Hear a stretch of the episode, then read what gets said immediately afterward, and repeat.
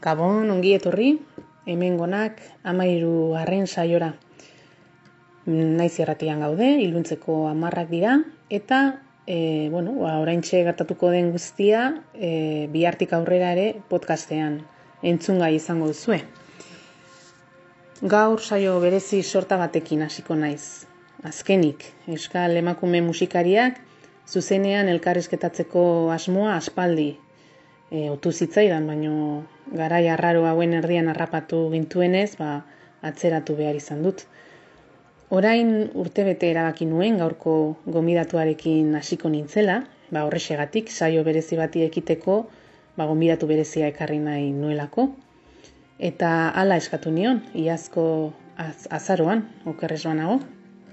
Eta baietz, esan zidan, eta azkenian lortu dugu, hemen da, nirekin, zaloa urain. e, kokein taldeko abeslari, letraile eta, bueno, mutilei garrantzerik kendu gabe, arima, nola bait. E, Gabon zaloa, ongi etorri, hemen gonak saiora, zer moduz, zabal? Gabon. Ba, zoragarri eta gogotxu zurekin hemen parte hartzeko egisa esan. Zuk esan duzun esan duzun bestela, azkenian e, garai guzti hauetan e, saia da gauza asko lortzia eta elkartzia momentu batean horrela lasai hitz egiteko eta gustora egoteko eta Eta musikorik gabe, musikorik gabe. musukori gabe, bai, ze ondo. Eta egia esan plazerra, eh, esango dut egisa, esan parte hartzeko eta zurekin elkartzeko, gogotxu, gogonetan ere esan dut gogo pila batekin eta benetan unkituta pizkatxo bat eta eta nire buruarekin ere e, gustora e, horrela zurekin elkartu eta gozatzeko momentu honetan, egia esan bai. E, ez da oso, oso polita, da, esan duzuna, eta ez da lehenengo aldia esaten diatena, emakume, emakume artean hitzeitea musikaz, ez? Ez dugu, ez dugu apenas e, aukerarik izan, ez? Emakume artean horrela musikaz hitzeitea eta zuri buruz hitzeitea. Ordu bete egon gara zuri buruz hitz egiten. E, hori hau oso oso gai Amerikarra da ez, azken finean, baina Euskal Herrian oso gutxitan e, izan ere oso gutxitan entzuten dut, horregatik sortu nuen programa ere, oso gutxitan entzun diote emakume bati luzaroan hitz egiten haren karrerai buruz edo ibilbideari buruz edo eta orduan ulertzen dute esaten diazunean unkituta eta eta eta pozik, ez? Bai. Bai hori da, ez? Aukera hori ez dugu askorik euki inguruan, ni behintzat ez dut euki. Zan nahi dut elkarrizketa desente izan ditut, baina zentzuretan beti taldearen inguruan, eta nire partaide bezala, eta nire inguruan ere bai, baina ez horrela, ez? Ez, ez, ez biok emakumeak ikuspuntu antzeko modu batean jarrita, eta eta lasa hitz egiteko gogoz. Eta zentzorretan horregatik unkituta pizkatxo bat, ez? Ez dakit gure egoa dan de biba ero nahi duzun guzti horik, igual pizkatxo bat izan ere bai, ez dinote zetz, baina egia esan eh, beharrezkoa ikusten dut, eta eta orduan, ba, ba bai, ba egia esan asko posten hau, bai zuk e, aurrera egitea, eta bai nire aukera ematea zurekin hau gozatzeko egisa esan, bai. Oso ondo. Ba, bueno, arrazoi ezberdinak eraman dinduten zu aukeratzera.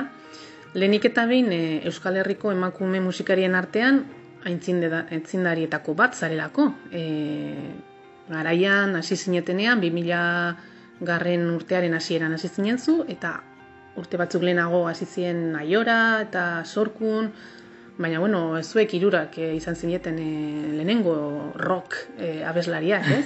Eta, bueno, pertsonalki nietzako eredu izan zinetelako, eta hainbat esparrutan gainera musikalki eta pertsonalki ere eredu izan zara, gero, gero azalduko dut zergaitik. E, adin berekoa garelako ere, eta eragin, e, bueno, e, irakurri dudanagatik eragin beretsuak e, izan genituelako hasieran da orain jarraitzen dugu, orain esan berri zu hemen du, ditugula Pearl eta Soundgarden eta... Bai, bai, nerekin bizi dira. Oie, nerekin ere. eta, eta horrek ere lotu, lotu egin hau, ez? Zuri, zu, zu aukeratzeko momentu horretan. Eta, bueno, ba, hori, e, 2000-aren hasieran azaldu zinela estenan, kokein talde berri baten e, agerpen horretan, soinu berri bate, e, baten ahotsa izanik, bai zure, zeure ahotsa berria zalako, eta bai kokeinen e, soinua berria zalako ere.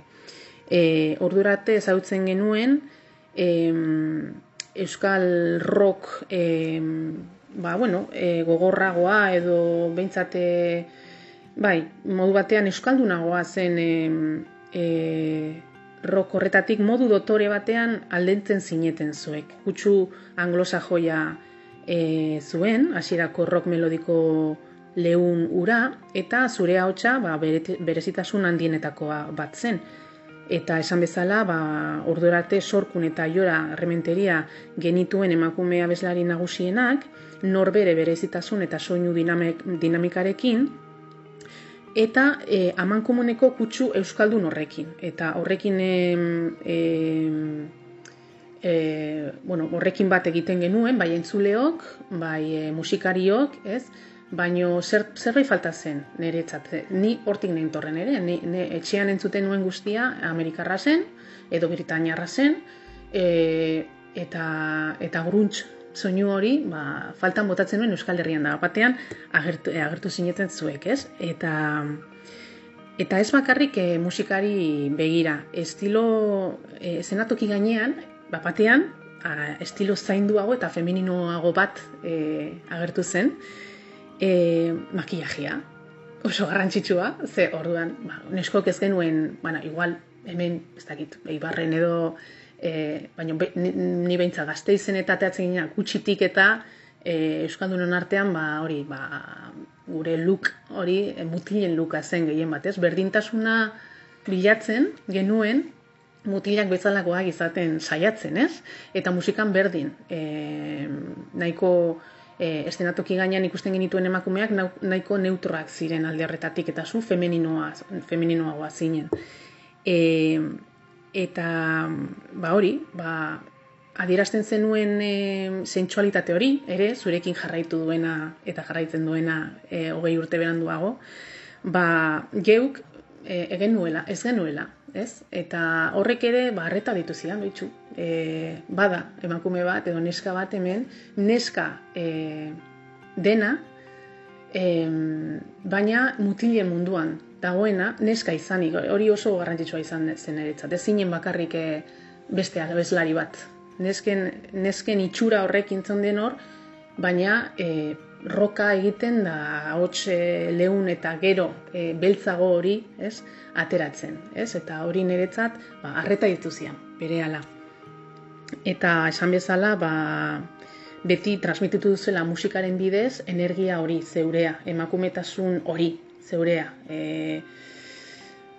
ez dakit nola esan feme, femeninotasun, saldu diguten femeninotasun horretan e, erori gabe, adierazi guzut sentsualitate hori eta femeninotasun hori esenatoki gainean. Eta horregatik ere, ba, basurekin. Egon nahi nuen da horretaz hitz egin, ez? Nolako emakumeak e, garen dagoeneko, ja bagara emakume hoiek, Bai, bai, bai, bai. ezta? Baino garai hartan oso garraroa zen eolako emakume bat ikustea estanatoki gainean Euskal Herrian. Etzen, etzen gauza normala. Eta Ba hori, nola aldu zen musika? Ez, ez gara enroiatuko gehiegi ordu bete daukagulako. Saiatuko naiz. Bai, baina, ba, ze, hau apatu dugu lehenago. Baina nola heldu zen musika, zure bizitzara, nola bihurtu zinen abeslari, bai? Eta, eta kokein, bueno, gutxi gora bera gainetik, e, nola heldu zen. Jo, lehenik eta behin mirkit, e, e, eskerrik asko. Uste dut halako zerbait entzuteko beharra ere baneukala pizkatxo bat.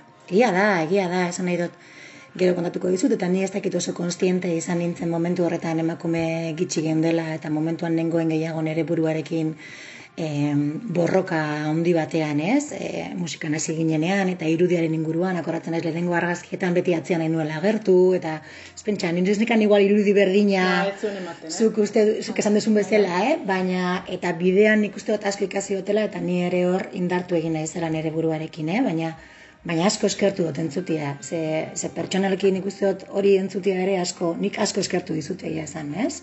Ze gero oinbi bilbidean, behar bada, bai garbiago ikusi dut, pasatu izan dena nire bizitza, baina momentuan baino ez zute, eh? ni akorratzen ere lehengo argaziekin eta beti atzean agertu nahi nuela, ez nekala inungo horik horrela, oza, nire sensazioa dual desberdina Era ziren, eh? berean, geuneskak ez ginen e, jantzen, e, zentsualki, ez? Beti praka bakero eta niki olgatu eta martinak eta ez genuen adierazi nahi hori zerbaitengatik noski.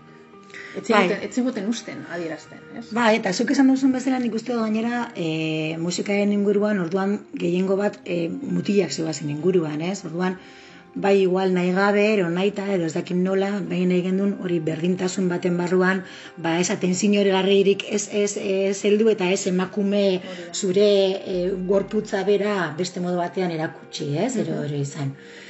Ni egia da, zentzuretan zuri entzun da gero, beti ni izan naizela, baina hori bilbide bat egon da, eh? eta egia esan urteetan zehar, ba hori, lehen esan bezala errefortzatzen joan naiz eta gero eta indartxoago sentitzen zen- zentzu horretan, eh? baina eskertu batzuk pilo bat entzutia. Ba, nola heldu nintzen musikara, ba, nik uste dut musika nirekin beti egon dala. Hori ere esango dizut. Txiki txikitatik anerita kontatzen dau, e, etxetikan pasioetik korrika joaten nintzela, e, ba hori, edo zein abeste entzuten nuenean telebista sarrean eta ni bere kantatzen ibiltzen nintzela. Etxean musika beti entzun dute, baina ez modu soratu batean, esan nahi dut, bueno, ba, bueno, arrantxerak eta lako gauzak eta entzun izan ditugu, baina, ba, baina, ez, baina ez horrela fanatismo batekin. Ama kontatzen dit beti, ba hori, bastakit, zazpi sortzi urte nituenean, eskatu niola musikara nahi nuela joan, eta ama kontatzen du, ba, pentsatu zuela, ba, ez da basko aguanteuko, apunto bingo dut. Eta, ba, ba, ba arte. justo kontrakoa izan zen. Orduan hasi nintzen musika ikasten, eta, eta bueno, konservatorioko ikasle izan naiz, urte askotan zehar, gitarrara ikasi nuen, Eta heldu zen momentu bat, nik uste dut lehengo diskan ere gurasoek oparitu zidatena, izan zala vinilo bat, e, Bruce Springsteenen The River, eta hori entzun nebanian zerbaitek klak egin zuen nere, nere barruan. Oraindik ere fana naiz berea, eh? Osea, beti maite dut entzutea, ze energia positiboa pila bat ematen da ezta. Osea, normalean beti naiz eta Oso besti, da, naiz eh? eta besti tristeena, Bai. ero, ero, estoena entzun, e, da. positibidade kristona ematen di, xamurtasun eta holan maitasun pila bat sartze jata barruan. Eta nik uste disko hori entzun nuenean, nolan pintxatzen pizkatxot izan zela klak hori nere buruan. Hortik gogoratzen dut gero urte pila bat irratia entzuten, eta, eta orduan harrapatzen dituen, bai biltzen ginean kasetarekin grabatzen Bai, abestiak eta horrela, bai, ez? bai. Halako gauzak. Egia da gero nik ere... alokatzen genituen, bai, nik hori ez egiten. genituen, eta grabatzen dituen denda batean. Nik hori ez dut Egen- egin eukan pezerik. Eta gero nire kasuan, ikustu dut hori konpartitzen duguna, bueno, zentzu horretan nola heldu nintzen ni, em, nire etxean NTV geneukan, Bai, gurean biba, nire, Alemaniarra. nire etxean NTV zegoen, orduan, e, karo, Amerikako grunge guztia sartu zitzaidan de pleno. Bai. Bai itxura, bai soinua, bai dana, ez? Orduan, orduan agertu ziran, ziranean e, Perria, Medibeder, e, Nirvana zalea naiz izan inoiz askorik, adibidez, zentzu horretan, baina Perrian zalea izan zen, mai, oza, amora primera vista. Bai. Amora primera escucha, Musikarekin. vista, eta danetikan, ez? E, nik inoiz entzun dut, ere irakurri dut, entzunez, irakurri dut, edi berrez nezebala, deju taldeareri buruz abesti batzuekin, flipatzen zuela nola norbaitek hitz egin zetzak, e, abesti batean hitz egin zezakeen, berak sentitzen zuen hain garbi zerbaitetaz, ez? Mhm. Eta nik beraiekin beti berdina sentitu dut. Eta bere ahotsa, bere ahotsa beti barruraino sartu zait, oraindikan ere, Nerekin bizidan Bai, ikuste bai, bai, bai. batian, eh? Orduan hor sartu zen de golpe y porrazo. Bai. Eta hor ez jan nituen danak. Ba, ez, Stone Temple Pilots. Pearl Jam, Stone Temple Pilots, Alice in eh, Chains. Alice in Chains, bueno, horrekin Alice in Chains egin nintzen, osea, amorratua. Orduan zeuden NTV Unplugged guzti horiek, eta horatzen naiz, VHS-ean grabatu egiten nituela, gero lagunekin konpartitzeko. Osea, eta ama ibitzen zoruan pare, ez ezabiz, itxoin ama grabatzen, eta ni biltzen ginen guzti hori hartzen. Bai. Hor ere ezagutu nuen, guztiot, leheniteriko e, emakume inguruan hortan pila jarbi ere hortikan zegoena, baina Kurnilov ere, zen Bai. houlzalea izan naiz Bai. pila bat. Jo, ba, oso gaizki tratatu zuten Bai. musikai bezala. Bai. Corny Lopez. Bai, eta eta niri oraindik ere gaur egun gustatzen zait. Bai. Eta batez Orain, ere orain errekonozitzen dugu Bai, Courtney Love. Eta batez ere e, bere itxura, gogortasun hori, ez dakit, hor, horrek beti atentzioa ditu zian eta hor hor pixkat iku- ikusten nintzen nire burua, ez dakit hori nahi nuen, baina Bai. ikusten nuen ere burua hor pizkatxo bat, ba hori islatuta bezala, ez? Batez ere itxura, soineko haiek gero botekin jazte zituztenak, hori asko, asko gustatzen zitzaidan, ez dakit guzti horretan, oso murgildua, Espainia. oso murgildua nebilen eta hori hori asko sartu jatan. L7 inguruan ere artikan ez dakiz zer, baina gehiago nintzen joul ingurukoa eta zentzuretan, eta, eta pilei ez, eta poligin ere bai, baina bueno, egia da pilei asko gustatzen zaidala eta eta asko jarraitu nuela, baina e, jouleko indar hori eta eta gitarra elektriko horiek mm, beti egon dira nerekin inguruan. Mhm. Hori dana barruan nekan bitartean, ba, ba, gitarra e, jotzen jarraitzen nuen eta inguruan banituen lagunak, ba, azkenean ni bezala musikazaleak zirenak eta eta jotzeko gua zutenak. Lehenengo, lehenengo pertsona nik uste talde bat sortzeko pentsatu nuen gaur egun amorante den Iban izan Bai, zan, bai, bai, bai, bai, bai, bai, bai, Gusto oso antzekoa genituen, justo zentzu horretan eta horrela, eta elkarrekin ikasten genuen gauza batzuk el- Elgoibarko konservatorioan, Eta izan zen ikuste lehenengo pertsona horrela e, elkartu nintzena pizkatxo bat gertuago eta musikarekin zerbait egiteko asmoarekin. Beti airean gelitu zen, ez du ez genuen inoiz e, konkretatu zerbait, baina hori bili ginen pizkatxo bat horrela. Hortikan gero hasi nintzen musika hezkuntza ikasten, eta musika naz- ikasten hasi nintzenean, ba, bueno, ba, bertan eh, lagun batzu zeuden zerdan ginen musikariak, orduan ba, hor bazegoen aukera pixkatolan gehiago izateko, eta ba, hori kafetegiko ordu luze haietan, Bai. asko egiten genituen bertan, Klasean baino ordu gehiago Ba, batzutan, bai. ez? Ba, abesten abesten, abesten abesten, ba, ba zarauzko beste neska batekin, ba, ba besteak abesten gituen eta horrela. Eta pentsatu genuen zerbait egitea eta kontzertutxo bat ematea. Momentuan ziren, berarekin abesten, abesten genituen abestiak ziren euskal kantu zaharrak. Eta ni ez naiz bat ere... Mm, Folklorikoa. ez, ez naiz, ez naiz bat ere. Ba, sinisten ere, dizut, bai. bat ere. Sinisten dizut. Baina, bueno, baina, bueno, gustora neunen eta aukera bazan. Baina zer egin nuen momentu horretan, ba, hor sartu nuen baita arreta jauregi. Berarekin hitz egin nuen, eta esan nion gogoan ekala egiteko zerapiren bertsio bat. Ze zerapi ikusteko aukera izan nuen, egia da guzti honen inguruan ni kontzertu asko ikusi ditu dela. Ze Ibanekin eta justo beraien, beraren lagun batzuekin, astero bi hiru kontzertutara joaten ginela sobrada bat. Aste azkenetan, Bilbon ikasten nuen, igual jasotzen duten ostegunetan, eta e, zala elefante blankora gazteizera, e, ez dakit, zortzi mila lekutara, horrela ikusi ditut, GAN, Therapy, Egon- Super Suckers, Orduan, egon zinen fijo, bergarako jamaretuan eskankan hanzi. Claro, Entzuten, noski, ere noski, ez behin, bitan uste egon naizela, ja. Eskankan hanzi ere, gure Bai, eraginetako, bai, bai. eragin handienetako bat da. Lehenengo aldiz entzun nion eskankan hanzi, eskankan hanzi lehenengo aldiz ikusi nuen, lehenik errabitzekin e, belodromo da noetan. Mhm. Ni nituen emeretzi urte alako zerbait, osea oso gaztean nintzen. Eta bera hau entzun nuenean flipatu egin nuen, osea, zan como, por favor, nik beltza izan nahi dut, Bai, bai, bera bai, izan bai. nahi dut, Bai, bai, eta horrela saltatu nahi dut. bai, bai, bai. Mesedez, bai, eh? Da. Hor zegoen. Zen, eta da. Bai, eta orduan hor inguruan nik aukera asko izan nuen kontzertu pile bat ikusteko. Eta gainera jende batekin egia da beti mutilak zirela, ez zegoen eskari bitartean, orduan askotan entzun behar izan dut galdera de de quién es la novia. Ja, típico. Bai. Que guay, pues de ninguno. De ninguno, soy yo. Pero bueno, Bai. eh, estaba bien.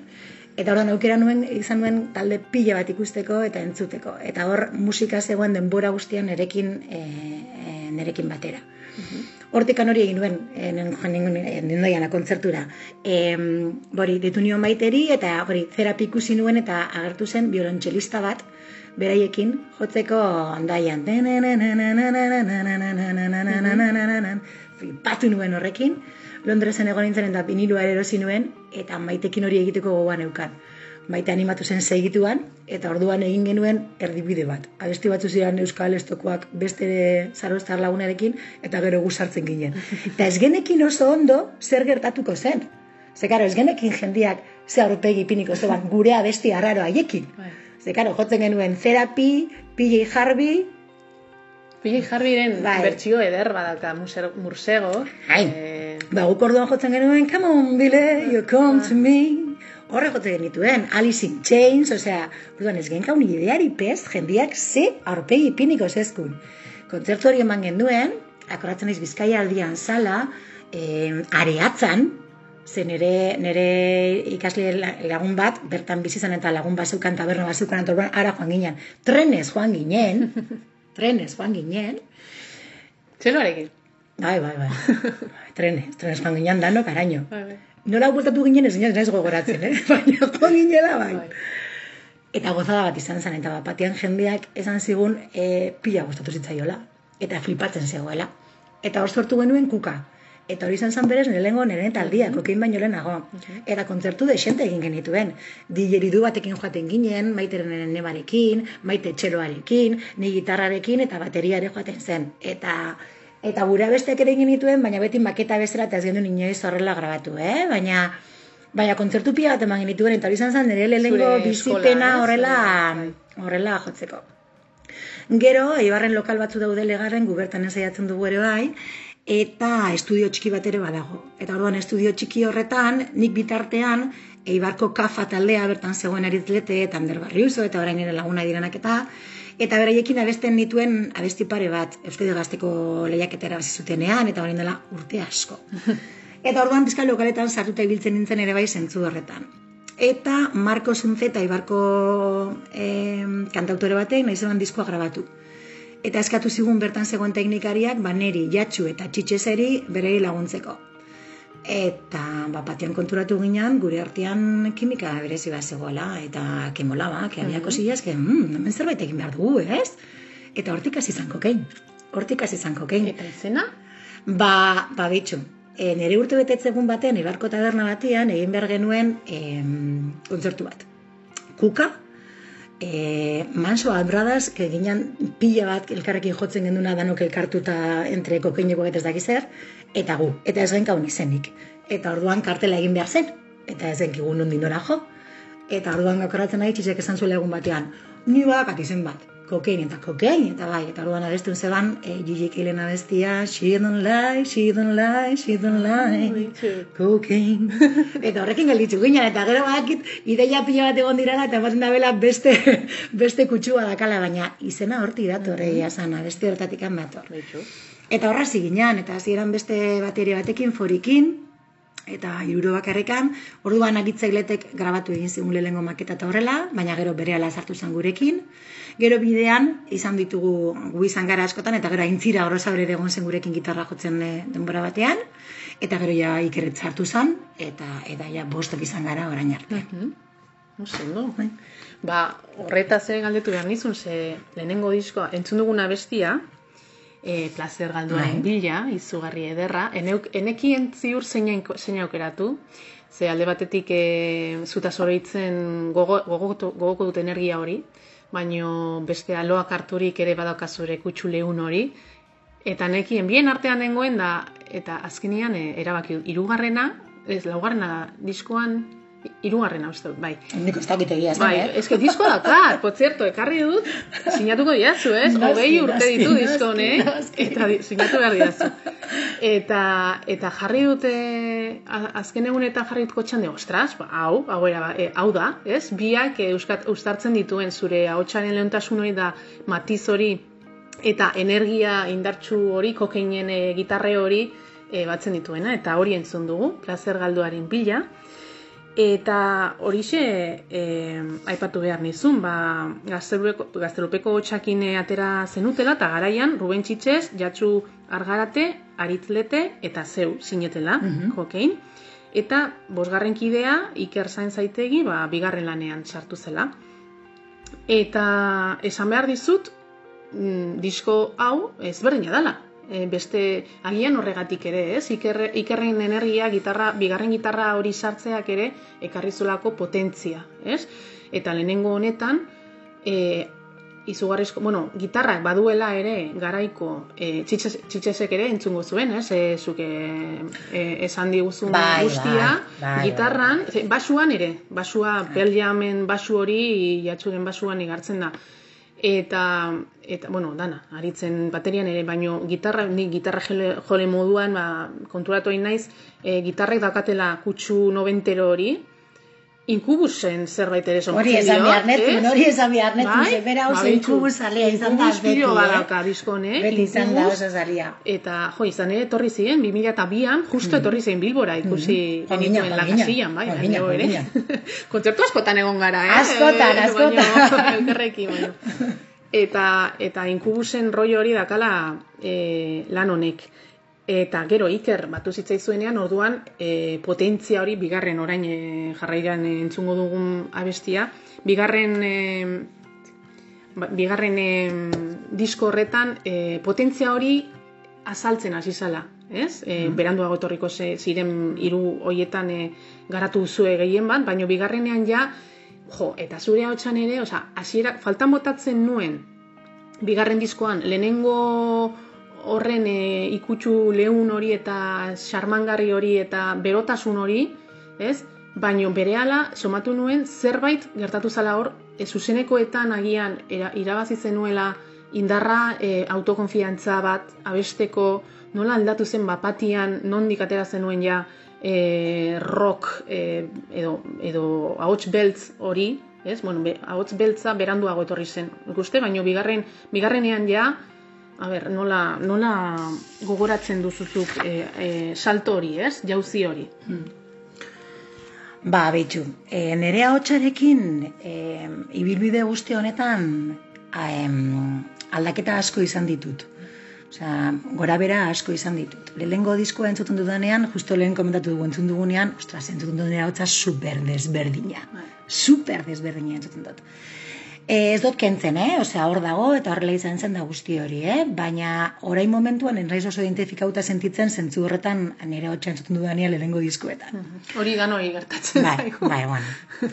E, orduan, e, nik uste dut abestia genituela, baina ni nahiko galduanen bilela nire hautsaren lekua eta eta nire lekua taldean eta orain uste naizela konstienteago guzti horretaz momentuan baino. Momentuan zan gehiago sensazio bat de no sé muy bien para dónde van los vientos, no sé muy bien para dónde voy, pizkatxo bat gehiago horrela, eta orain denborarekin begiratzen, ba, konturatzen naiz gauza asko zeudela hor gero ibilbidean egin ditudanak, ez? Ba, autokonfiantza, taldearekin beste rollo bat, gure arteko konfidantza eta bidea, e, behar bada bidea gehiago pentsatu ero pentsat e, elkar banatu zer egin genuen, nola egin nahi genuen. Lehenengo diska horretan, em, lan egin genuen Rafarekin eta eta Sanperekin, Rafa lagundu zigun em, e, bori, produzio lanetan, eta ni oso posin nago egin genuen e, lanarekin, eh? eta harra nago, eh? oso polita izan zen. lehen disko bat izateko, Mm. izugarri borobila da, benetan, eta gaur egun, netzat, osea, a ber, aipatu dizut lehen, nik ez dute kokein kainero hori hainbeste jarraitu, ez delako nire generoa, ez? Nire generoa hau zen, osea, lehenengo hori. Eta gaur egun oraindik jartzen badut, edo zein aukeratzen badut, hau jartzen dut lehenengo entzuteko kokein. Horregatik diot, osea, disko borobila izugarri ona izan zen, niretzat. Gau, bai, asko posten naiz ari entzuteaz. Gure pozik, eh? Baina nik uste dut hor bide baten hasiera izan zela. Nik sensazio hori dakat, bidetxo baten hasiera, ez? Eta gero, eh, hor matiz asko egon ziren, esan nahi dut. Em, momentu horretan gogoratzen dut, ba hori, e, emakume gutxi zegoela, oso gutxi zegoela inguruan Euskal Herrian moduan abesten, Orduan, e, ahots inguruan, ba, igual ez dago ondo nik esatia, baina ja urtea ditut eta orduan e, aukera asko nituen, esan nahi Bai. dut, nire ahotsa beti oso potentea izan da, eta bai melodikoki jolasteko e, aukera askorekin, orduan hor aukera asko zeuden. Eta nik ez dakit oso garbi neukan nik ze aukera jarraitu nahi nuen. Eta taldearen inguruan ere ez dakit oso garbi geneukan ze, ze bidera hartu nahi genduen ahotsaren inguruan, zentzu horretan, ez? Orduan oso polita danetako ere diska, lehen diska hori, baina niretzat orain ikusten dut abia puntu bat bezala. Ze, momentuan izan zen, abia puntu bat bezala, eta eta hasiera bat ikusteko pizkatxo bat nondin nora jo nahi nuen, ero zerren geni nuen ahotsarekin. Eta gero, e, Iker sartu zanean, aldaketa pertsonal eta eta eta instrument eta eta melodikoak egon ziren. Esan dut, Iker da pertsona bat, nik uste lagundu zigula niri behintzat asko eta nik uste taldean ere bai elkarrekin askoz gehiago irekitzen, gehiago hitz egiten, gure sentimenduetaz, gure ideietaz, gure ba, banatzen, ez? Ikerrek nik nik bat askotan esan diot, lagundu eskula asko elkartzen, elkartzen eta eta bat egiten. Eta nik uste dut, Beti dago talde batean bat. ba, ba, gurean Iker da, Ba, beti dago bat, Iker da. eh? dala nexoa edo Bai. emozio, nexo emozionala, ez? Bai, bai, eta nik sensazio hori dakat, ez? Ikerrek ekarri zigula indarra, bere bagaje e, profesional Bai, nagusiago ba, pasada bat, bai, eta bueno, eta izan da Julio Kageta, osea, e, Pam, osea, Ikerrek bizen ditu urte batzuk e, rokaren inguruan Euskal Herrian oso oso punteroak, eta hor egon da beti, osea, beti beti hor egon da, orduan, biak ekarri zituen niretako, ez? Punto rockero hori eta bizipen guzti hori berak izan zuena, eta gero emozionalki niretako gure arteko batze hori eta elkarbanatze hori. Eta orduan aldaketatxo hori nik hor somatzen dut, ez? Ematen du garela pizkatxoa gehiago elkartuak. Taldea, bai. Taldetxo gehiago horrela, ez? Hori somatzen dut. Eta zuzenekoetan ziur e, irabazi zenuela, osea, eske somatzen da, Bai. zuzenekoak emanda zeudela dagoeneko. Lehenengo diskoan igual esain beste, ez dakite grabatu aurretik zuzenekoak eman zenituen. Bakukarekin gehiago, kokeinekin oso gutxi, eta gehien bat etxe inguruan, esan nahi dut, eh, oso gutxi. Honekin somatzen da ja e, ibilbide, zuzeneko ibilbide bat, ze zeure ahotsak irabazten du horretan, potentzian eta auto, autokonfiantza horretan. Bueno, entzungo dugu zure ahotsa hor. E, lotuta egon arren, bigarren disko zoragarri hori, por cierto, azala, beti gogora ekarri dit Smashing Pumpkinsen e, Siamese Dream. Ez dakit zergaitik, baino zuen, zuen Bai. ez, guztiz ezberdinak dira, marrazkiak edo argazkiak, Baina beti, baino bai. kolorea eta beti beti e, nahasten dut edo e, gogorak hartzen dit Smashing Pumpkins beste talde txar bat, ez? E, entzuten genuena, ez? Smashing? Bai. Asko, Bai, bai. oraindik ere entzuten dut. Ba horixe. Oraindik ere entzuten dut. Ba, utziko ditugu entzuleak gozatzen lotuta egon arren abestiarekin da itzultzen gara.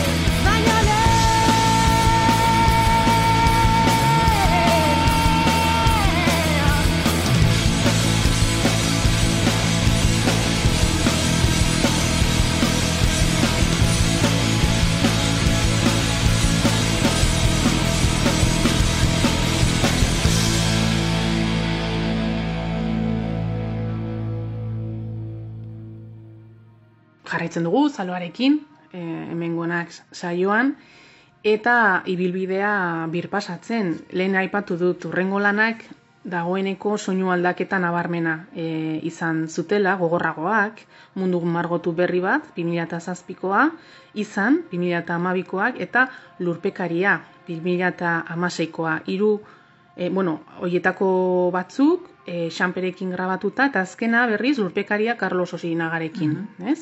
Lera e, etorri da, 2008an, bestelako soinu bat ekarri du, gero komentatuko dugu, eta esan bezala hiru hauek soinu gogorragoa eta orain arte maskulinoagotzat izan dugun genero musika dinamika bat e, islatu zuten. Nola izan da e, gizonezkoen estenan hogei urtez aritu zara, e, mutiletako bat, denok bezala igual, mutiletako bat izan nahi zenuen, e, berdintasun hori bilatuz, mutilakotako bat izan nahi zenuen, em, momentu batean, ba, hori nahaztu egin ginelako, horrekin neu behintzat. Eta ez nintzen emakume musikari bezala agertzen, taldean, eoran taldean jotzen nuenean, ez nintzen musikari, emakume bezala agertzen, lanpetu egin nengoelako haietako bat izaten saiatzen. Eta ikasi alduzu, bueno, a, a, nolakoa zen, ez, beraiekin jotzea, eta estenan ere beti suposatzen dut gehiengoa teknikariak, e, ikus entzuleak, e, aur, e, antolatzaileak danak gizonezkoak izanik, e, nolakoa zen, zerbait ikasi alduzu e, taldekide mutilengan. E, naiz eta kokeinek hasieratik ere emakume asko izan dituen entzule, agian e, leuntasun horregatik ere, bai, batez be hasierako horretan. E, zer uste duzula, ikasi duzula zuk e, gizonen ganda, gizonen gandik, eta zer ikasi dute, zer pentsatzen duzu, ikasi dutela zugandik e, taldekideek, edo inguruan izan dituzun musikari, gizonezko musikariek. Bueno, hor gauza asko ditut erantzuteko zuri. Lehengo gauza nire sensazioa da, ne, aldaketa horretan nire hotxoren inguruan, eta hori maskulinidade itxurako horretan egiteana, gogortasun horretan, guztiz kontrakoa zen inaik nuena egitea. Nik uste heldu zela momentu bat, e, lehengo diska hoiekin, ez? Eta entzuten nuela larregi nire hotz goxotasuna eta emakumearen goxotasuna. Eta bukatu nuen naskatu xamar hori entzuteaz. Hori egia da. Orduan, e, eta gero nire, nire referentak ere asko izan dira rokeroagoak, eta nik ere urteetan zehar gehiago entzun izan dut e, roka, eta gehiago igual, bueno, beti entzun izan dut, eh? baina bueno, igual bai hildo gehiago hartu dut hortikan. Baina hori oso garbi neukan, hori ez bat ere gustatzen. Osea, zer gertatzen da, goxoago abesten dudalako, eragotxa goxoago dualako ez daukat zure indar berdina. Horrek asko erretzen ninduan, hori egia da. Karakter handiko emakumea naiz, hori ere egia da, hori jende asko ezagutzen duena badaki. Eta orduan horretarako nahiko burua horra gainera. Orduan nik uste dut, ibilbide horretan, urrengo disketan, hori behar nuela pizkatxo bat, ez?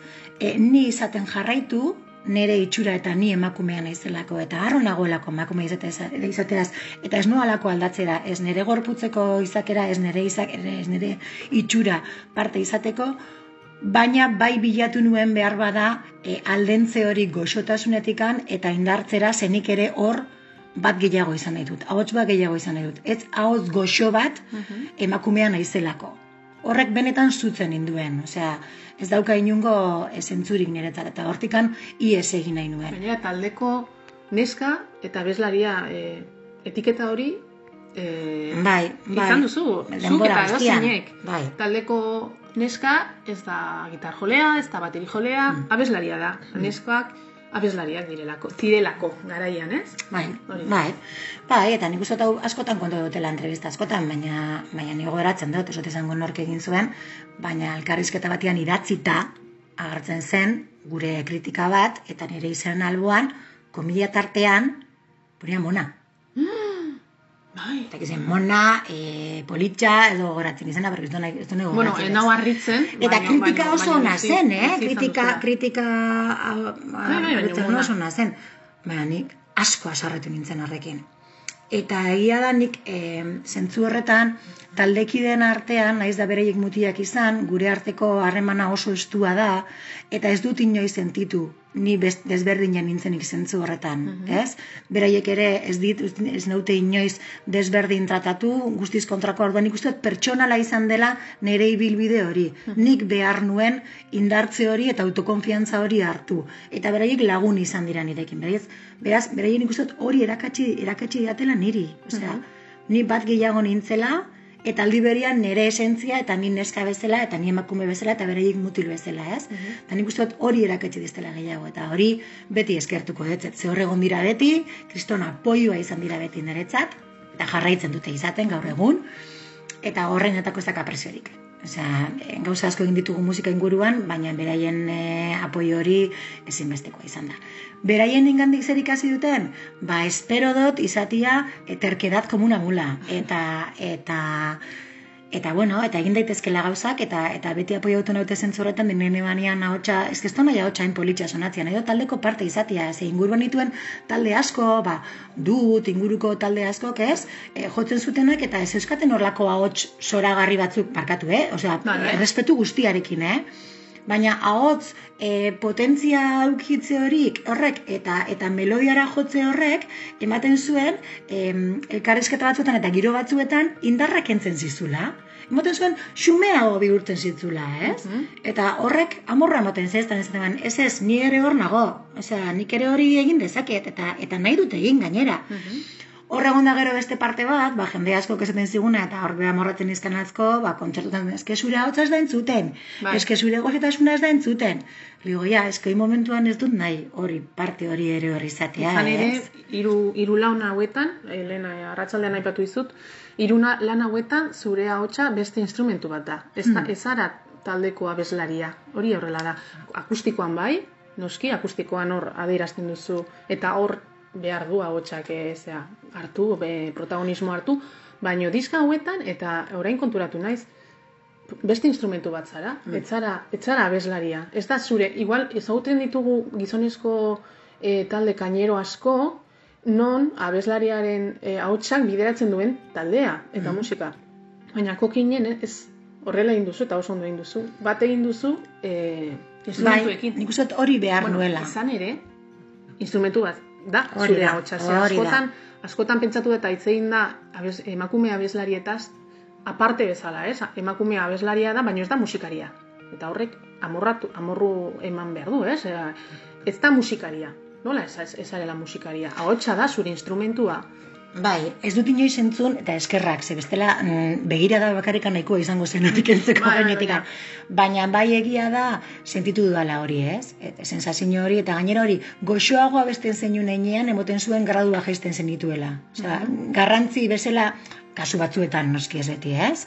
Baina emoten zuen garrantzi puntu bat jetxe egiten zela, ba, ba, ba, goxua, hola, ba, hola, goxua. Bai, neska, neska da Mm, ahotsa. eta horrek eh, zutan jartzen nindu mm uste dut, ibilbide egiteko, ibilbide hori egiteko beharra baneukala, ez? Eta gero itzuli, ez? Esan aipatu diazulen. Eta orain, itzuli. Hori da, hori da. Ahotsa, edo Hori da. bezala, Orain, Garatzera. orain adibidez, nire sensazioa da, e, beteago sentitzen naizela, eta orduan orain adibidez, akustikoan jotzen dugunean, bueno, ja bada denbora bat, eh? Osea, not orain baina, akustikoan jotzen dugunean, gozatu egiten dut, inongo beldurri gabe, bueno, sekula dut izan ezkorik e, e, biluzi kantatzeko, eh? Osea, ni bakarrik kantatzeko egia da, eh? Ze beti egin dut askotan, eh? Baina, bueno, orain gehiago, ziurtasun gehiagorekin, jolastu dezaket eta ni izan daiteke ardatza eta eta eta ere eta momentuan oinarria, eh? Baina gero beste aldea behar dut eta taldeko partaide izateko behar hori izaten dut. Orduan hori batutan da, eh, hori, eh, esaten destenian ez jatzu entzuten ja, baina, bueno, eske ni hotz bat naiz, hor, ez da nere hotza izan behar dena momentu horretan horrela. Baina gero komentatu dizut, egia da, orain momentuan, badera madala urte batzuk, gogotsu adibidez zerbait pertsonala egiteko, hor dakat nire mm, tiraia floja den noiz, inoiz ez aurkitzen momentua pizkat aurrera jotzeko eta eta konfiantzari hartzeko, baina hor segura asko bai joko nuke berriro pizkatxo bat e, ahotzaren, ba, nire instrumentuaren e, erabilera beste modu batean Eta egitera. gitarrara, ze gitar, berez gitarra ikasi duzu, eta gitarrarekin izango litzateke. Bai, ez dakit, ez dakit, ez dakit, ez dakit, ze, hainbeste gauza ditut inguruan gustoko izango nituzkenak egiteko, ez daukadela ideia askorik. Bakarri dakat hortxe gogo hori.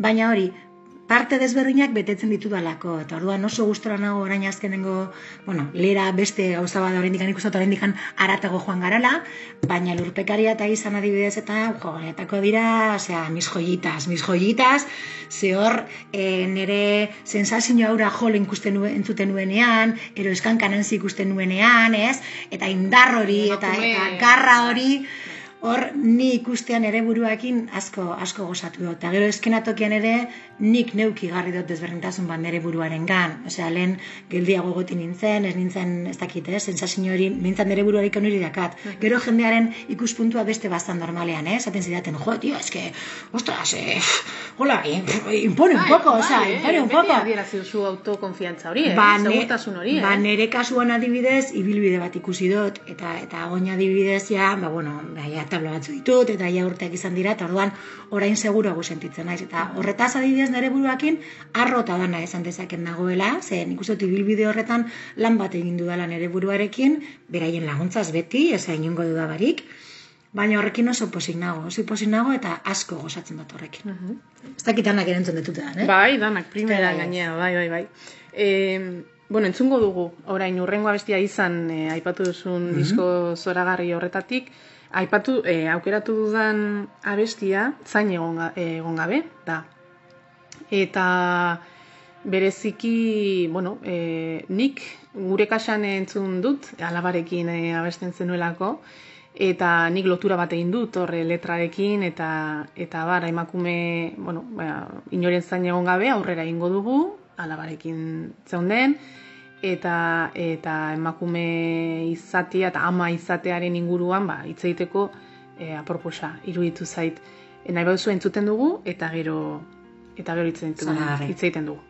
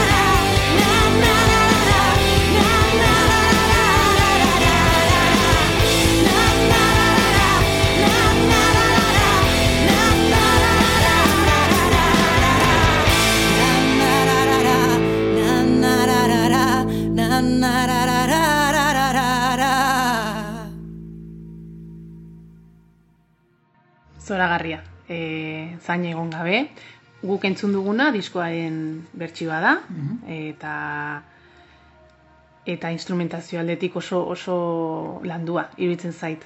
E, e, akustikoan entzun nizun, e, alabarekin.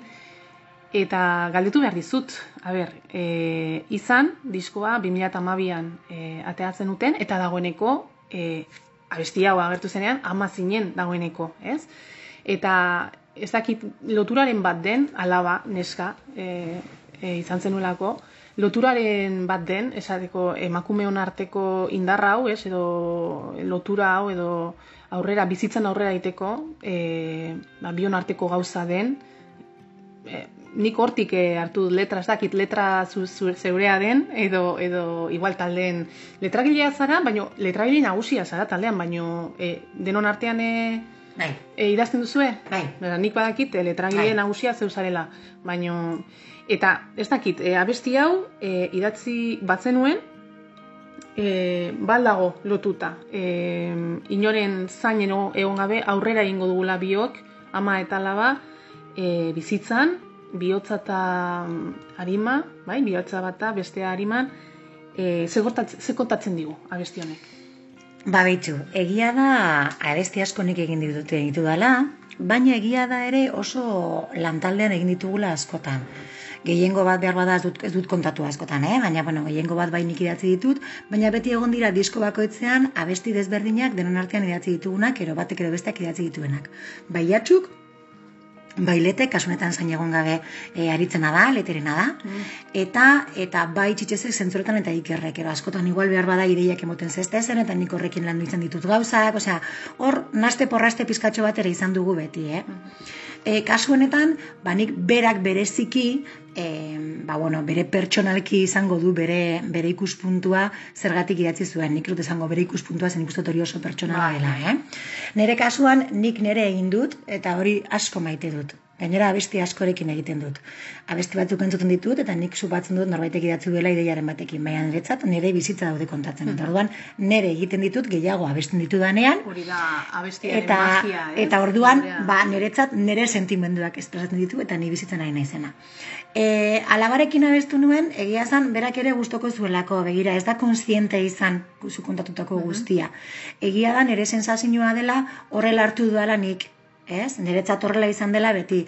Ez bereziki, bueno, naiz eta nire bizitza pertsonalean gauza batzuk gertatu modu horretan eta behar bada ematen du horrekin lotura gehiago duenak eta izan ditzak adibidez, ez dinot ezetz, baina beti izan dudalako e, sensazio hori borroka egin behar nuela aurrera jarraitzeko ez?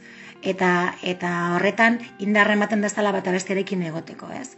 Eta, eta ez naizela egongo geldirik zain ezer egiteko. Osea, ni, ni ez naiz geldirik egoteko, asain egoteko, norbait etortzeko niri konpontzera zerbait, ero niri laguntzeko zerbait egitean. Mhm. Nik gutzen zait, hartu eta egin, beraz egingo dugu. Orduan, niretzat horrela da zentzu horretan hartua dago, ez?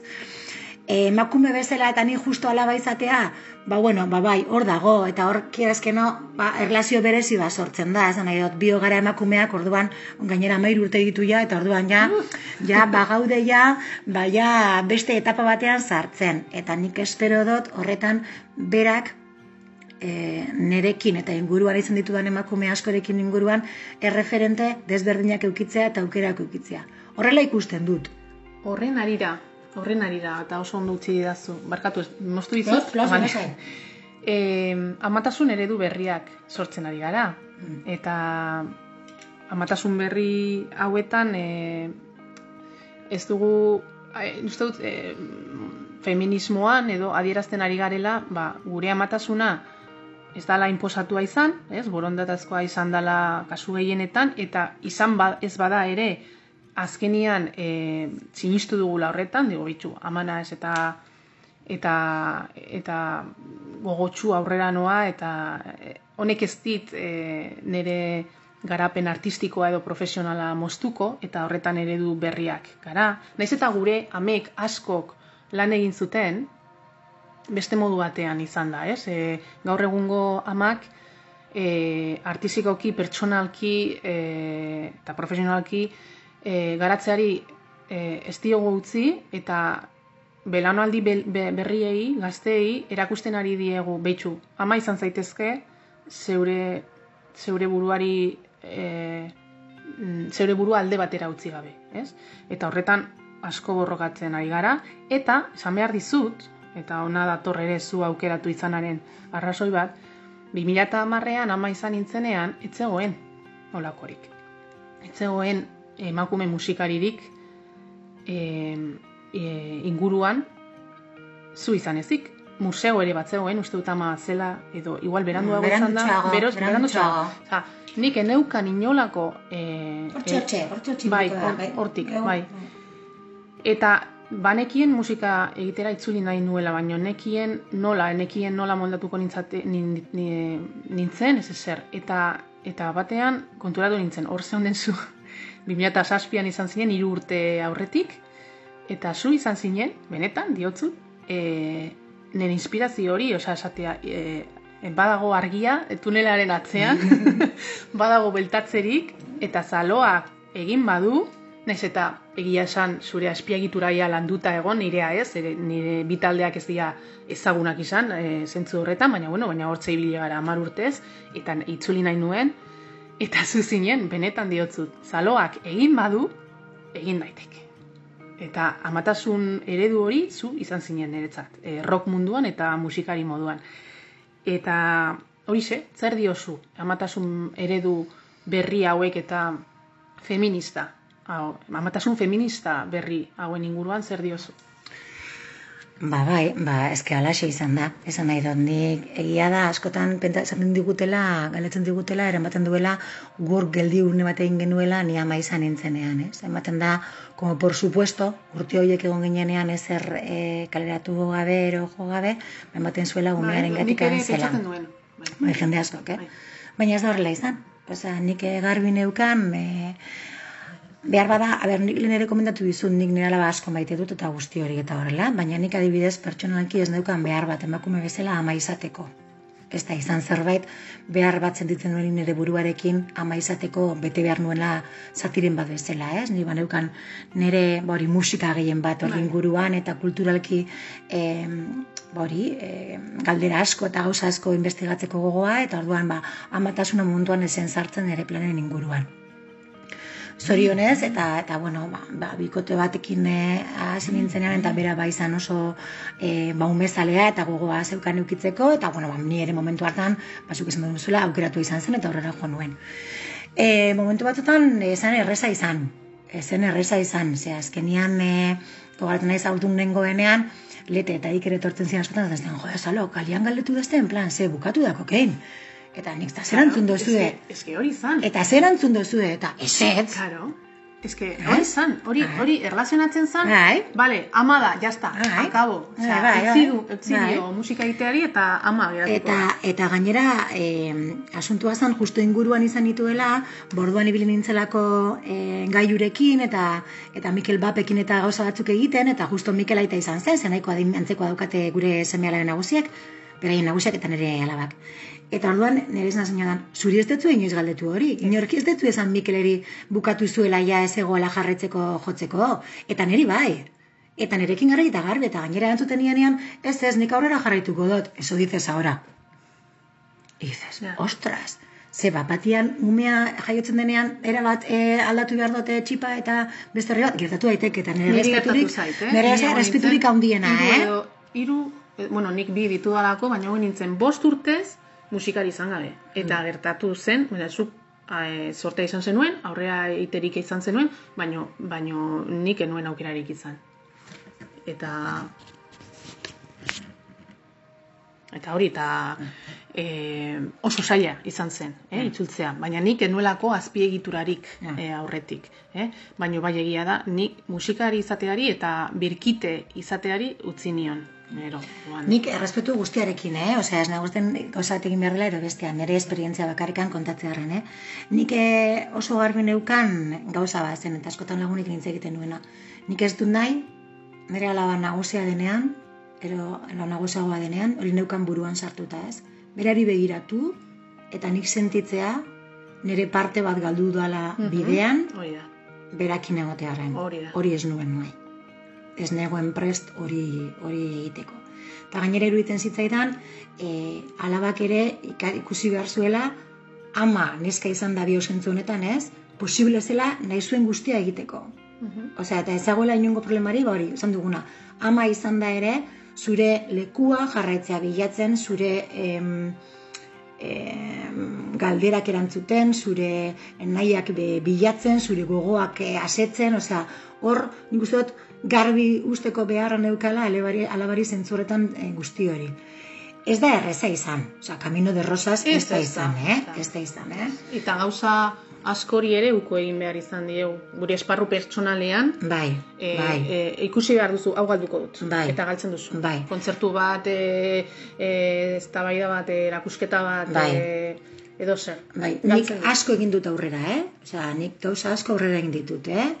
Nire alabak bi urte zituenean Japonera joan ginen e, biran, esan nahi dut. Eta, eta ez nuen dudarik izan joan, joateko gogoan eukala eta eta joan egin nintzen. Eta ez eh? gara amatxarrak sentitu, alde horretatik, ni behintzat ez nahi sentitu, ez dakit zure kasuan, baino egin behar izan dudanean esaten nuen, no, eske niri tokatzen zait orain, Osea, eta ez Bai. naiz amatxarra sentitu. Bueno, horregatik. nik esan behar dut, lehen komentatu dugu uste dut pizkatxo bat, naiz eta oso garbi izan hori ez dagoela bat nerekin, noizean behin losatxo hori gainean izan dudala, esan nahi dut.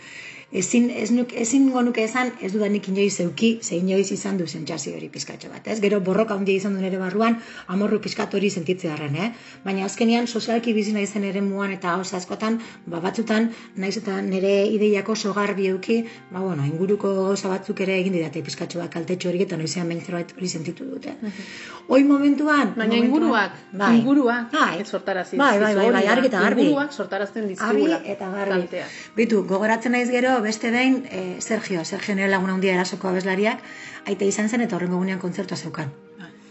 Eta nik esan etzen nagoari, joder, nik hori bai ezin dudala egin, urrengo egunean ezinezkoa da, fizikoki ezinezkoa zelako.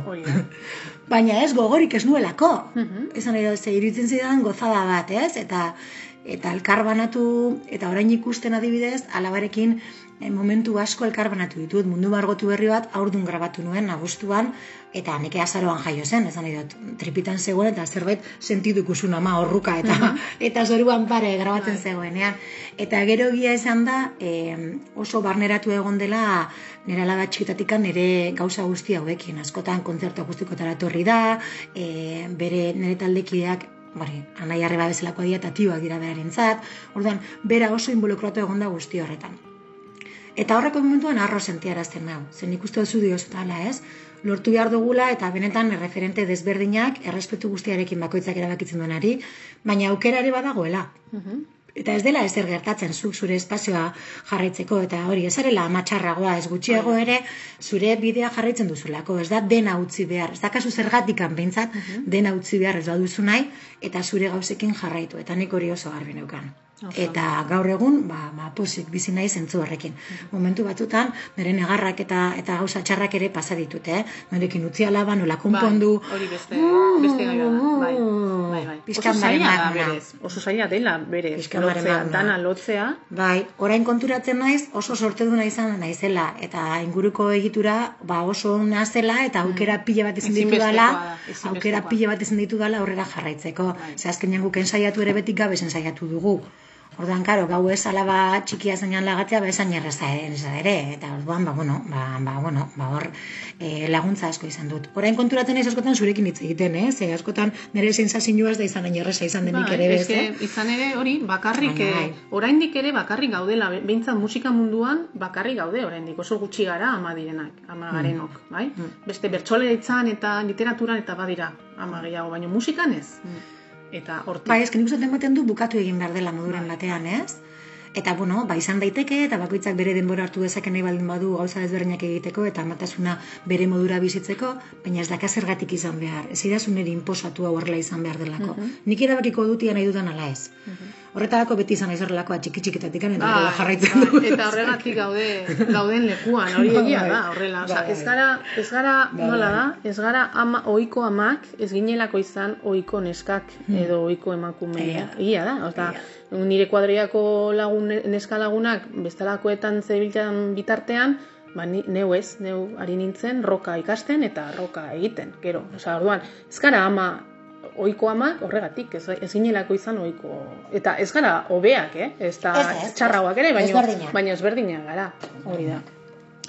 Bueno, ba, aurrera goaz, eta mm, lurpekaria heldu da. Lurpekaria kriston hori, harrika da, osea, oso potentea, ematen zuen itzulera bat zela hau ere, amaseian, eske, karo, desagertzen zaeten ez laburte, eta horretaz hitz egingo dugu ere, ematen du gero itzuli zaretela, eta kriston energiaz bideoklipa gogoratzen dut, hor garaje baten edo, ez, e, de, e, larruaz, jantzita, danak, bueno, zure estilismoa betikoa, super zoragarria, hor, e, itzalaken ere izan duzuna, larrua, eta, bueno, Eta, eta disko gogor hori, esaten duen bezala, ez da nire generorik maitatuena, ez dut horren beste ulertzen, edo sentitzen, ez? Baino badago, eta gustoko dutala ere diskoa, baino badago abesti bat, azkena, daka, kriston emozio, eh, emozio oso berezi bat transmititzen didanak. Da, zure itzultzen zara pixka bat abesti horretan aurreko dinamika horretara, lehuntasun hori, baina ez da lehuntasun inozente ura, hasierako ura, hau bai dala e, kexu bat, ez? Ematen du abestia, ematen du sehaska kanta bat, zure, zure hotxean, sehaska kanta bat kexuarekin nahaztuta, edo e, nola esaten da, frustrazioarekin nahaztuta, eta gero bapatean estribilloan eta amaieran nola igotzen zaeten lurpekariaren soinu dinamika horretan, nola kiston go, energia dago e, gogo hori ekartzen duzuen da, iruditzen zaita besti bat izugarria. Entzungo dugu, orain, eta gero jarraitzen dugu e, horretaz hitz egiten, zuekin daka.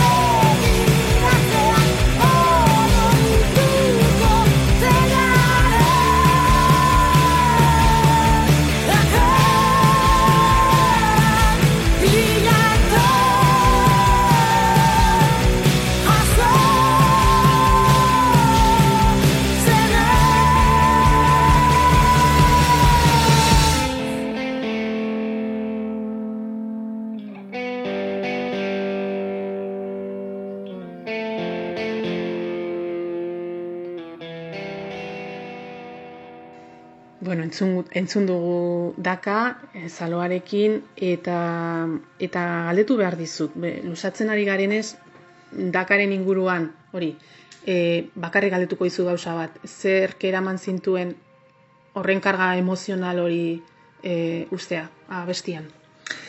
Ba, letra oso gorra iruditzen zaidelako eta iruditzen zait. Zan eta benetan e, komplexua eta bai da keja bat gauza askori buruz, ez? Kasuretan, e, dakan justo gortatutako episio baten inguruan da letra, baina, bueno, bai zekan gero zer ikusirik ez gara konturatzen e, sos, e, sozialki kapitalismo guztienetan sartuta daudena eta oso asko egiten ditugula inoiz pentsatu gabe beste herrialde batzutan zer gertatzen den edo gurian bertan, ez? Eta orduan keja horrekin abestea e, melodikoki eta goxo batutzatekin, baina goxo, baina aldi berian e, kexua egiten latza izan zen, eh? Osea, kostatu zitzaidan bidea topatzea, baina niri ere asko gustatzen zaitu horregatik. Nik uste dut lortu da dagoela goxotasun baten barruan melodiarekin, baina aldi berian e, keja hori eta eta eta oihu hori benetan onden matea, eta niri ere asko gustatzen zaitu egia zen. Bueno, eta aurrera goaz, e, aipatu nahi nuen, hola, gainetik, e, profesionaltasuna e, lehen aipatu dizut, la urtez desagertzen zaete, gero itzultzen zaete, maten du, ez, desagertu zaetela, baina egia esan, e, agian ez daukazue, ez zuek, ez e, profesionalak ez garenok, e, lan egiteko edo grabatzeko urgentzia hori. Eta hori, zentzu batean privilegio bat da. Ez, nola ikusten duzu gaur egun egoera, ez, Euskal Herriko egoeran, mm oindala gutxi amoranteri aipatu zulen, iban, e, irakurri diot non baiten e, merkegi, merkegi, merkegia dela euskal musika edo euskal kultura eta sortzailoi garesti atetze zegula merke, merketasun hori, ez? Nola ikusten duzu guk e, hori, musika egiteko hartzen dugu, edo kontzertuak bilatzeko hartzen dugu gure patxada eta e, ez da jobia gehiago da, hor dago, ez? E, profesional izatearen eta hobi bat izatearen artean dago, ze behar bat da, pasioa da, eta sentitzen duzun hori atera behar duzu, baino zorionez e, badaukagu, beste delako lanbiderik, zorionez askok e, gustoko duguna, edo maite duguna, gure gure, gure kasuan adibidez irako eskuntza da, mhm. eta maite dugu lanbidea, baina era berean behar, behar artistiko hori daukagu sortzeko, eta bar nola ikusten duzu e, egoera hori gaur egun, bereziki orain e, dakagun COVID-aren eh, egoera honetan, nola, nola gertatzenaren guzti hau zenbat kontzertu aldu diren, zenbat areto ustu diren, zenbat areto desagertu diren ere, musikarien, teknikarien egoera, eta profesionalen egoera, bai? E, privilegiatua gara, eh, azken finean privilegiatuak gara, eh, profesionalak ez garen, eta ez litzateke horrela izan beharko, ez? Privilegiatuak danak izan beharko luke nuke. Baino badauz batzuk oso larri eh, pasatzen ari dianak, ezta? Egoera honetan edo orokorrean euskal kulturaren eh, egoerarekin. Bai, ba, guztiz hau nago Ibanek esan dakoarekin. Nik uste dute eh, merkeegi izan dela beti emoten dau beti hobitxo badela, orduan, e, ba, etorri eta jotzen duzu pizkatxo bat, eta jo, entimak eta un sitio bat okar, ez? Eta sensazio hori nik askotan izan dute, eh? Osea, gu egon beharka ginekla eskertuak bezala, eta bagaude, zentzu askotan, eh? Esan dut, badago el, talde, esan, leku pila bat, eta eta taberna pila bat, eta gareto pila bat, kriston lana egin dutenak e, taldeak ekartzeko eta eta aurrera egiteko. Eta bidean aurkitu ditugu leku asko, errespetua handiarekin. Asuntua denetako askotan e, ez dugula ulertu errespetua eta hori diruz ere ordaindu behar zela, esan nahi dut. Ematen zuen errespetuarekin nahikoa zela, baina ni dirurik ez dut behar. Ze dirua konbertu baldin badut ematen du saldu egiten ari naizela, ni egiten ari zen lana, ez? Mhm. Nik ere izan dut noizean hemen ere buruarekin alako zerbait, eh? Osea, ez nago esaten bestek egin dutenik, baina nik uste dut gaizki egin dugula hori. Bai, eske sinestarazi digute, edo dizuete gehien bat mugitu zaiten hori, saltzea gaizki zegoela. Hori da. Artea, artea dela, eta artea izateagatik doakoa izan beharko lukela guztientzat. Hori da, orduan, hor, kagada latza. Latza gertatzen ari da, ez? Eta orduan, e, nik uste hortik hasi dela dana. eta eta eta hori garbi eduki behar dugula eta eta hau ez dela hobi bat. Egia da gure kasuan kokainen kasuan denok ditugula beste lan batzuk, e, ba hori ba, ba gure bizitza bakoitzak erabaki duen ero nahi duen ero saiatzen den en bizitza nivela ero modua ero lo que sea, ba aurrera eramateko eta kokainekin ez dugula diru hori e, moduren batean gure bizarako erabiltzen. Gu bete egin dugu e, ba, bueno, irabazten genuen guztia e, bertan e, erabaki ba grabatzeko, bideoak egiteko, edo zer gauza egiteko nahi duguna, ez? Baina egia da hor hor e, utxune handi badagoela, badagoela eta nik uste dut Covidaren guzti honekin areagotu egin dela ari gehiago eta are gehiago em, argi utzi digu nolako egoera prekarioan geunden lehen ere bai. Esan nahi dut. E, konfinauta geundenean eskaera pila bat genituen edo zer gauza jotzeko, total denbora daukazu etxean zaude, egintzazu, ez? Ero disko bat egintzazu, ero zuk uste duzu. Gauzak ez dira hain errezak badakizu.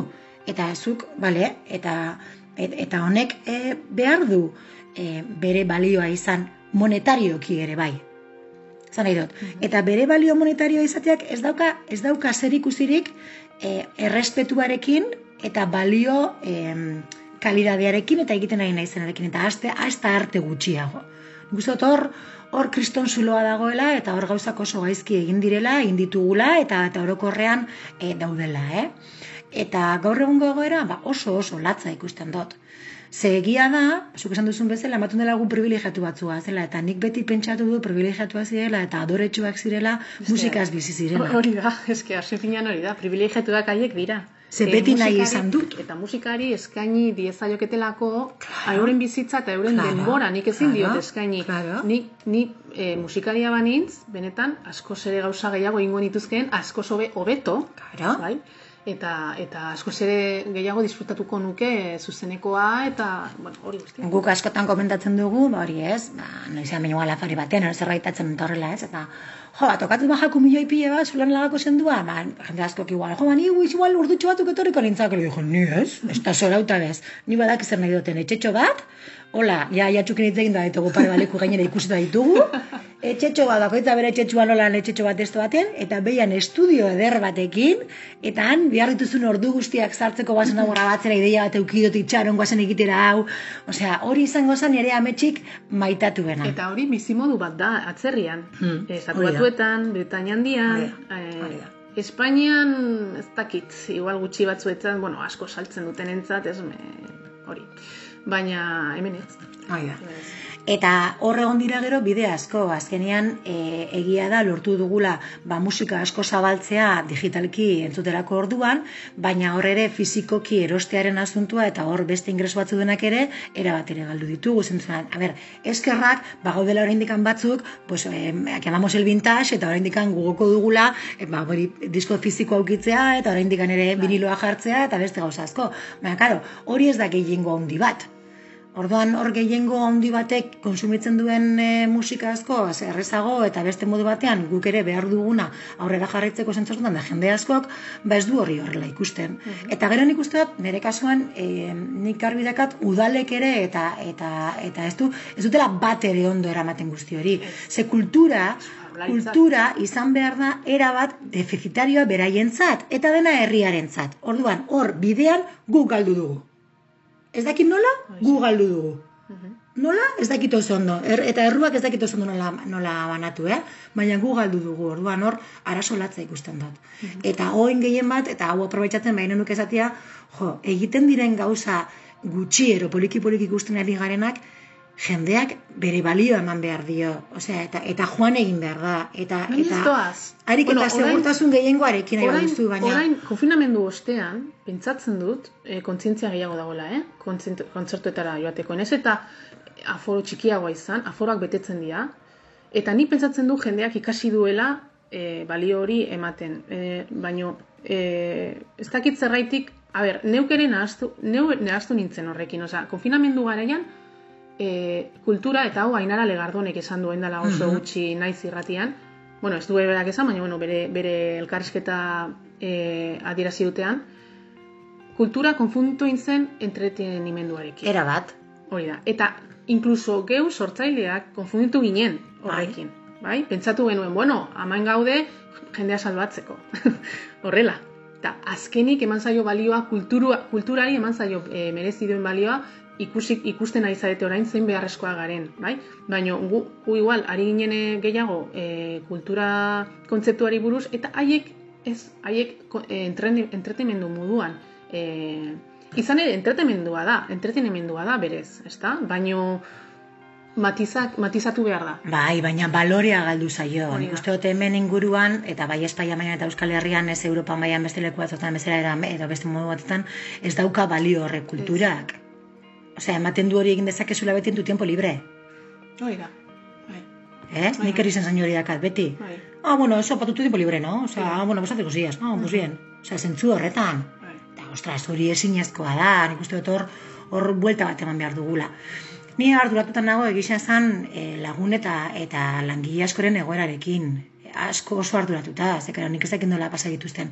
Sei hilabete asko ezer kobratu gabe, zer lanik egin gabe, inguruan gainera inolako argirik ikusi gabe, e, inork ez ditu gainera kontan hartzen, esan nahi dut, pff, ez dakit esan, osea, ze gainera, modure batean, estenatoki gainean gaudeno komila tartean, ba, bueno, ba, igual bizibleago ero gutxiago, baina horratzean dagoen lantalde guztia, Bai.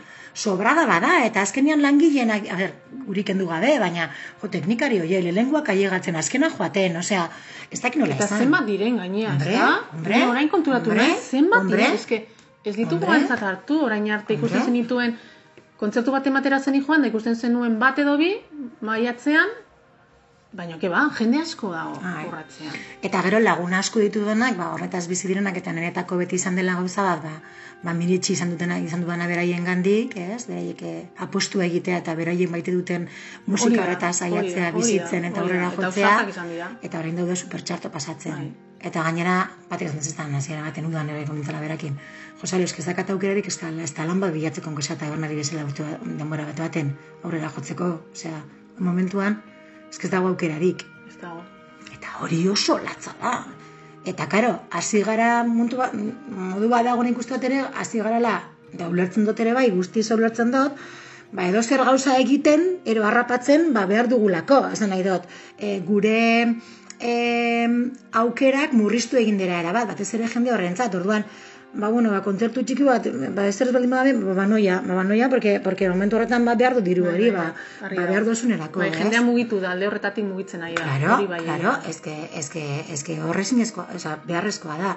Nere pena handia ematen dut adibidez guzti hau ez dela zabaltzen eta azkenean gelditzen dela gure zirkulo txikian bezala jakinda bezala. Sensazio txiki hori daukat, esan nahi dut.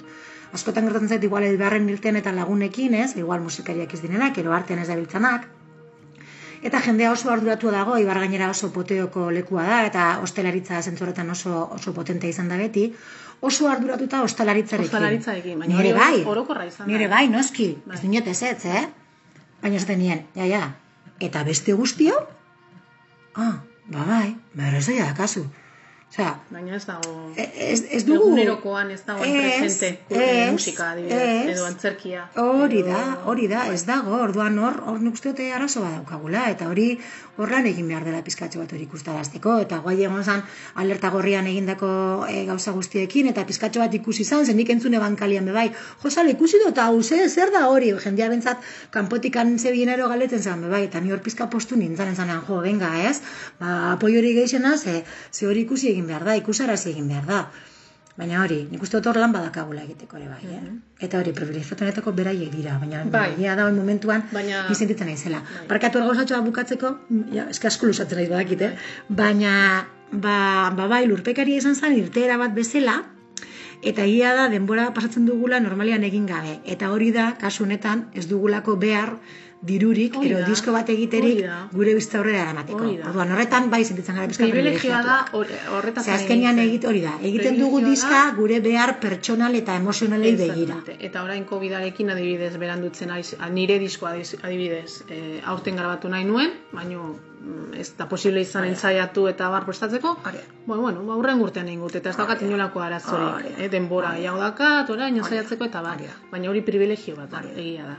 Edo kontzertu bat ez badut lortzen e, hilabete honetan ez da zer pasatzen. Claro. Lehengoan izango da, edo Baina berez, nire sensazioa da, privilegioa izango zela, ero izan, ez litzakela izan behar privilegio bat, aukera izatea sortzaile bezala, zuk moduren batean e, hori em, em, jaurlaritzak eta behar duenak gobernuak hori baloratzea dirutan behar duzun moduan, eta zuk aukera aukitzea benetan hori egiteko e, denboraz, emozioz eta bihotzez Bai, egina. bai, bai. Eta ez, behar bat bezala, bete behar dudalako kupo bat, ero diru bat lortu behar dudalako bizitzeko. Bai. Ze hor bai usten dut, naiz eta gauza zoragarrizak egiten diren estresauta gaudenean ere bai, eta, eta behar direnean, baina hor bai galtzen dela pizkatxo bat, norbere askatasuna gauzak benetan sortzeko. E, hori da, sormen lana, ez? Behar duzula, e, emozioak ekartzen dizunean sortu. Hori da. Bai, hori da.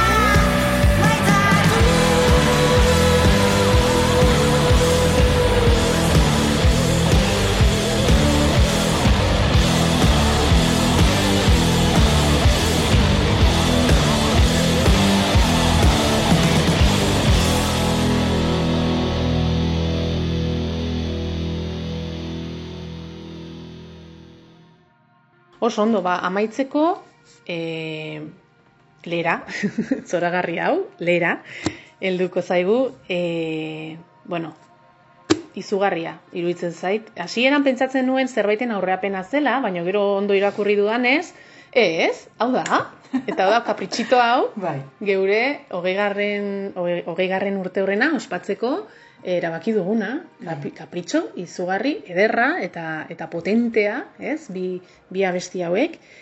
E, ez dugu inoiz nik behintzat ez dut olagorik entzun e, Euskaraz, e, hola, nondik ateratzen nuen, a ber, azteko e, bateria, noski, e, e, tempoa, bai? Eta eta gitarrak ere ematen dieten e, e, zea, zea hori, e, diskortasun hori, laro garren amarkadako zerbait datorkit burura, ez? Soinu bat, eta batean zeu hor, baina estilismo horrekin bideoklipean eta ze, ze, ze ondo, ze otoriz dauden hor, eta batean ze gutxirekin adierazten duzun hainbeste, ze ez duzu, ez duzu apenas e, abesten, baina, baina hortxe dagoakoa, ez? Duzula apenas abesten, baina esaten duzun guztia, da abesten duzun guztia, zelako indarra duen, eta bat datorren e, dinamika horretan. Nondik atera da itzalak dinamika hori? Ba, behitxu, genbiltzan lokalian, e, gauza desberdinak egiten, beti biltzen gara bezala, zen normaian hastian bainero ensaiatzen dugu, ensaiatzen gara bintza mantentzen. Eta bagenituen abesti desberdinak e, bidean. Batzuk, e, bueno, ideia batzu ziren e, aurrekoekin jarraiago, eta gero hauek agertzen ziren. Gosip ibili da beti nire inguruan asko ere, asko gustatzen zaizen zu horretan, Bai. eta orduan pixkat ideia ere hortik Bai. hasi joan, hori etorri zaigun burura moduren batean, eta bat ikusi ginen hau geneukala, joita hau geneukala. Ez dakit oso naita izan zen, eh? Osa, nuke ez, izan nahi dut. Ez da zerbait premeditatua izan baizik. Eta hortikan sortu zen, ez? Neri gosip eta inguruan bezeri asko gustatzen zaigu, eta inoiz lokalian komentatzen genuen, ze oso musika zalea gara bostok. Orduan musika asko elkar banatzen dugu bata bestearekin. Eta nik uste dut hor e, lortzen dugula aberastasun oso zabal bat, ez? Azkenean banatzen duzu bat bestiarekin bakoitzak, naiz da gauza batzuk aman komuneko izan, bakoitzak bere kutxutxua dauka eta hor nik uste dut aportazio oso oso Bai, hori aberatsa ematen lana, ez? Eta orduan nik uste dut hori gosip agertu zala hor pizkatxo bat e, ideia hori agertu zanean, eta gustatu egin zitzaigun dola gelitzen ari zen, eta guk ere pizkatu uste sorpresartu genuela. Gutxiago abestearena oso oso enaita izan da.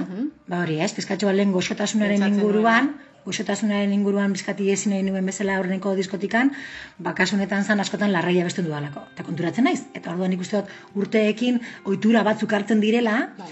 eta orduan beste ate batzuk ematen du itxita daudela. Eta horrek amorro ondisa ematen dit, eta oso kurioso naizen dut, eta gainera beti nahi du zerbait ezberdina egitea, ba gogoanekan beste modu batean ere, ba, buelta bat emateko. Horretan egia da, e, ba, bateria joria justu abesdaria den eskobrakin ere bai, ba, askotan laguntzen deztala biata ikerreke be bai da, salo, hau horrela, venga, ba, ba, probatzea goia, ze batutan igual, zuk ez dozu, zuriz jatzu etortzen, zuri jatortzen jatzu zerbait, ja oso barneratu dakasuna, ez? Eta ze polita da, ideia freskoak hartzea horrela eta hortik hartzea. Egin genuenean, flipatu egin genuen gu gauzelako, zein gustora genuen, batez ere itzalarekin, bueno, iraganaren ere bai, baina beste gauza bada, ez, itzalakekin. Eta bideoaren inguruan, ba, justo bideo hau izan da, pizkatxo bat zu komentatu duzunaren eta nire ibilbidearen e, kulmine bezala izango da, izan nahi dut. Oraingoan bai, erabat nahita eta bilatuta izan da nire feminidadea eta ni nire izakera bideoklipean guztiz ateratzea. Mhm. Eta gainera landua, makillatzailea eraman da, osea, e, izan nuen, orain bai tokatzen zaizu zala, orain da zure momentua hori benetan, naiz eta eskertu ez dut pila bat. e, orain izatea eta gure, gure adinean izatea. Hori, ez da. Berrogeita lau urte ezetz. Hori bai? uste dut ezetz. Eta ez da kasualitatea. Uste dut ezetz. Konplejuak eta lotxak. Kanpora, eta hemen nago ni, eta neure burua maite dut, Hori da. olakoa naiz. Eta konturatzen nintzen, gogo pila bat neukala, aurrek, aurrekoak ere oso landuak izan dira, eta oso posik egon naiz, eta bideo hori beti egon da, eh? eta eskertu betut entzutia, zentzoratan e, kanpokit ikustakoa, ze hola entzun dut beti ere bai, eh? Baina nire ibilbide pertsonalean zan, orain bai. Orain bai, eta a lo grande. A lo grande, eta takoia hundi aldi mazan, ba, ja nereak dira, eh? Osea, agertzen ziren gauzak nereak ziren, eh? Baina, bueno, berdin zitzaidan nola egin ere bai. Eta gero, ba hori, anotek egin du bideo bat e, pasote, oso oso polita. Orduan da, mezkla bat dana oso oso polita. Izan zen kapritxo total. Kapritxo total zen genduen. Eh, goia diskoa grabatzera. oparitxoa. Guazen bakarrikan egitera, eta zan nian extenean. Eta gaina ditut bia besti super desberdinak, tio. Bai. Zori askotan gustatu zaigu pixkat egitea, ez? Eta orduan itzalak zan, indarra bezala ditikan, eta gaina letra da oso garbia, ba hori, azkenean gure bizitzan pasa ditugun em, alde ilun eta eta argiekin bat egin dugula, ez? Itzalak ere gure parte direla, eta horregaitik aurrera gartzen Eta dugula. ikasi dugula dantzan, Bai, egiten itzalekin bai, batera. Da. Bai, bai, bai, Eta bai. hori da, Bai, bai. Zahartzearen artea. Bai, ez? bai, Ondo, espero dut, espero ongi zahartzearen espero dut, artea. Eta horri, horri lotuta, kontatu nahi dizut, e, adierazi duzuena, bai itzalaken, bai e, iraganaren etorkizuna bestian, izan dela e, nola zahartu behar dugu musikari bezala eta la, e, laguntalde bezala, ez? E, ardo ona bezala zahartu behar dugula e, horrela gogoratuz, bi, e, bigarren abestian egiten zuen bezala, ze polita josi duzuen modua, ez? E, abestien e, izenburua josi dituzu eta izugarri ederra. Kutsu melodiko emozional hori eman diozue gogoratzeko, ez? E, e, aitzinako urteak gogoratzeko, eta zein rollo ona transmitzen duzue beti izan duzue, eh? beti transmititu diguzue ta- talde eh, rollo ona, bai? Beti eh, boston artean eh, lagunak zaretea, oso lagunak zaretea, eta hori, eh, nik uste dut hau dela lezio bat, besteontzat ere, nola e, zahartu, nola nagusi, zahartu, baino, a ber, zaharra, zaharritzari beti eman zaio mm, esan nahi negatibo hori, ez? Bai. Baino, egia esan, zahartzea da e, ir- irabaztea, esperientzian, bizipenetan, eta ikastea, eta horrela adierazi duzue. E, nola zahartu behar dugun musikariok ber, gure buruak berrasmatzen, baina gure esentzia galdu gabe, horrela egin duzue, lantxo honetan, eta bestetik ere, ba, bigarrenean transmititzen duzuen e, emozio, emozio hori ez, laguntaldea gara, eta hogei urte da matzagu hau egiten elkarrekin, eta eta hori, nola, bigarren e, abestitik, nola, Ba, iragana etorkizuna da gure eh, diamantito, gure gure altxor txikia Bai. horrela polita. Neri ere asko gustatzen e, ikerrekin batera gure e, abesti zaharretako eta guztietako hitzekin eta letrekin eta izenburuekin egitea. Eta gainera, biok egiten genuen bitartean, ai, ama, zentzua dauka, Bai, ze polita, zentzua, bai. ze polita, ze Bai, bai, zentzua bai. hartzen genion, orduan ibilbideari izan ikuspun, dago ikusbera bat egitea bai. bestela, ez? Eta gero garbi geneukan iraganaren etorkizuna garela, oraina dela orain gu bizitzen ari garena, eta orduan gu horretan ez gara izan inoiz gainera oso oso finkatuak de hau izan behar gara eta ezin gara hemendikan mugitu. Horretan nik uste dut bostu daukagula nahiko, nahiko lasaitasuna de, ba, guazen saiatzera, Bai. bai. ze gertatzen den zentzu honetan, ez? A ber, gure esentzia galdu gabe, nik uste ja ezin asko dela gure esentzia galtzea, ez bagara bakoitza batikan joaten zeharo, baina bostuk izan gara nahiko animatua de, guazen probatzera. Eta iragan etorkizun hauetako hori da. Osea, garbi eta garbi azaltzen du gure arteko maitasun Bai, historio polita izaten ari dena, eh? Maitasuna, kristo maitasuna. Bai, islatzen horrela da, eh?